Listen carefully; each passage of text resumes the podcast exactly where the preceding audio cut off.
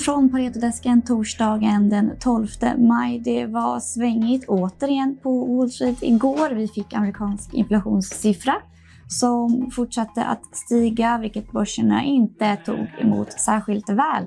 S&P för stängde på minus 1,7 procent, Nasdaq minus 3,2 procent och det är fortsatt eh, press på tech och tech-selloffen fortsätter. Tioåringen föll tillbaka något. Amerikanska inflationen kom som sagt in högre än väntat. Vi ser en prisökning på mat och tjänster eldade speciellt på inflationen och däribland eh, hyror. Detta borde då stödja scenariot om att eh, Fed höjer eh, räntan med 50 punkter de kommande tre mötena. Ska de höja med 25 endast så behöver vi se en lägre inflationssiffra i maj och juni. Det var den. Nu ska vi prata Thule. Du var i Småland igår, eh, mm. Fredrik, för Thule hade kapitalmarknadsdag. Ja, precis. Vi var i, i, vackra Hillerstorp ja. och, och tittade på deras nya eh, deras utbyggda ska man väl säga, produktionsområde och, och testcenter framför allt som, som de nyligen har invigt. Mm, och det presenterades lite nyheter, berätta. Ja, precis. Till att börja med så höjde de ju sitt försäljningsmål eh, från att man tidigare sagt att man ska dubbla sin försäljning från 2020 till 2030. Det implicerar ungefär 15,6 miljarder i omsättning 2030. Nu höjde man det målet till 20 miljarder. Eh, och det är ju en, egentligen en dubbling från 2021 försäljningsnivå. En, en snitttillväxt på drygt 7,5 procent. Så höga tillväxtambitioner eh, och det är det som kapitalmarknadsdagen framförallt handlade om. Det är ett mm. bolag som redan har en väldigt bra marginal, över 20 procent. Marginalmålet eh, upprepade man egentligen bara sa att vi ska fortsätta vara över 20 procent. Eh, inte jaga liksom 30-35 utan man är ganska komfortabel med, med den nivå man ligger på nu. Så nu handlar det om att driva, driva tillväxt mm. på, på försäljningen helt enkelt. Men den här höga tillväxten, då, har de blivit lite bortskämda av eh, pandemiboosten? Du tror inte att man har blivit lite väl nöjd med det? Eh, jag tror att man har eh, sett ett, liksom ett bredare intresse av den här typen av produkter. Sen ska vi komma ihåg att det är ju egentligen i, i det är Sport Cargo Carriers med två tredjedelar av verksamheten. Det är där man är marknadsledande egentligen. Eh, och den har ju såklart haft en stor påverkan, en stor positiv påverkan på, eller från pandemin. Eh, där räknar vi i år med att volymerna ska sjunka eh, hyfsat ordentligt, inte tvåsiffriga tal, men ändå liksom ordentligt. Eh, Medan vi ser att de kommer kunna fortsätta växa inte minst i de kategorierna där de fortfarande är en ganska liten utmanande spelare. Exempelvis, vi, vi pratar exempelvis om, om barnvagnar. Eh, väskmarknaden har ju varit helt deprimerad såklart under de senaste två åren och kommer tillbaka nu från en ganska låg nivå. Eh, så det finns ett, ett antal sådana eh, mer strukturella eh, tillväxtdrivare i den befintliga portföljen. Mm. Sen presenterade man ju två nya produktkategorier också här på kapitalmarknadsdagen. Det, det, hade man ju berättat att man skulle göra, men man hade inte sagt vad. Eh, det har ju spekulerats en del i marknaden och eh, en, en ganska dåligt hålld eh, hemlighet var ju den ena kategorin, det var bilbarnstolar. Det har tror jag, de flesta som, som har diskuterat det här mm. pratat om att det, det kommer vara en av dem. Är det en bra business? Ja, men jag tror det. Det är en stor marknad. Det tickar egentligen alla Thules liksom, kravboxar. Det är en stor marknad, det är en global marknad. Det är, är produkter med höga marginaler. Det har ju dels att göra med att det är höga säkerhetskrav. Det är inte en jätteenkel produkt att producera. Du måste möta väldigt eh, stringenta eh, testkrav och säkerhetskrav i produkten. Eh, och sen är det produkter som konsumenten är beredd att betala extra mycket för i ett premiumsegment där produkten har eh, liksom extra högt eh, extra hög användarvänlighet och designspråk som är tilltalande.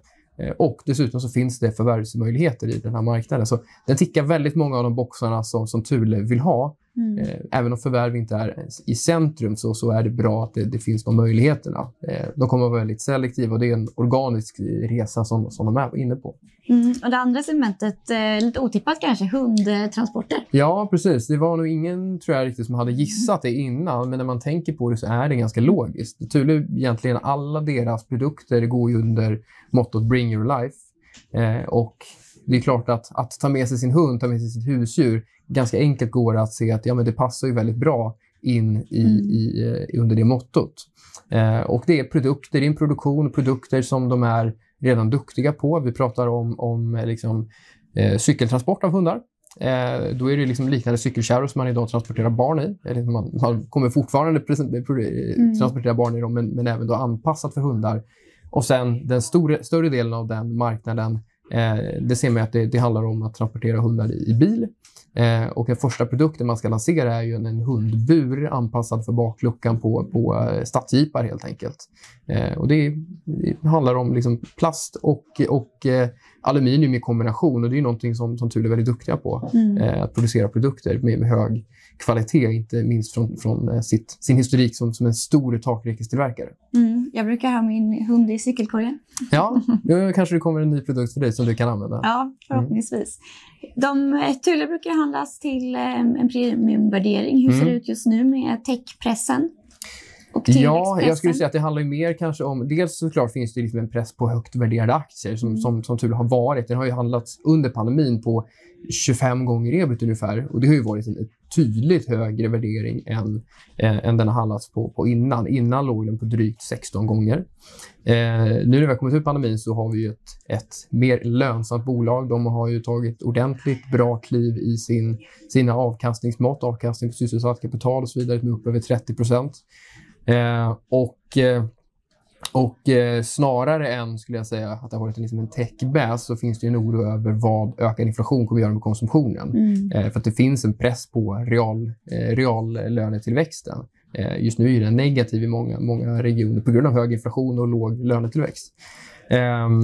Så jag skulle säga att det handlar mer om liksom en oro för konsum konsumenterna. Eh, jag tror att det finns goda förutsättningar för Thule att, att kunna fortsätta växa. Man är i ett, premiumsegment. Det här är generellt sett inte kunder som är mest känsliga för för eh, inflation. Det är inte människor som lever på, på marginal utan har ganska goda marginaler generellt sett eh, och som är entusiastiska över sitt, sitt fritidsliv, sina fritidsintressen och kommer sannolikt fortsätta spendera pengar på det. Det är vad, vi, mm. vad vi tror. Um, och det som du säger, det har varit en premievärdering. Uh, de har fått en liten allt hög, ökad värdering innan pandemin. Uh, allt eftersom de har ökat sin lönsamhet, förbättrat marginalerna. Uh, vi tycker att någonstans runt 20 gånger ebit inte alls är osannolikt eller orimligt att sånt här bolag ska handlas på. Nu är de på eh, ja, någonstans 13,5 eh, med, med liksom dagens eh, nedgång här i marknaden.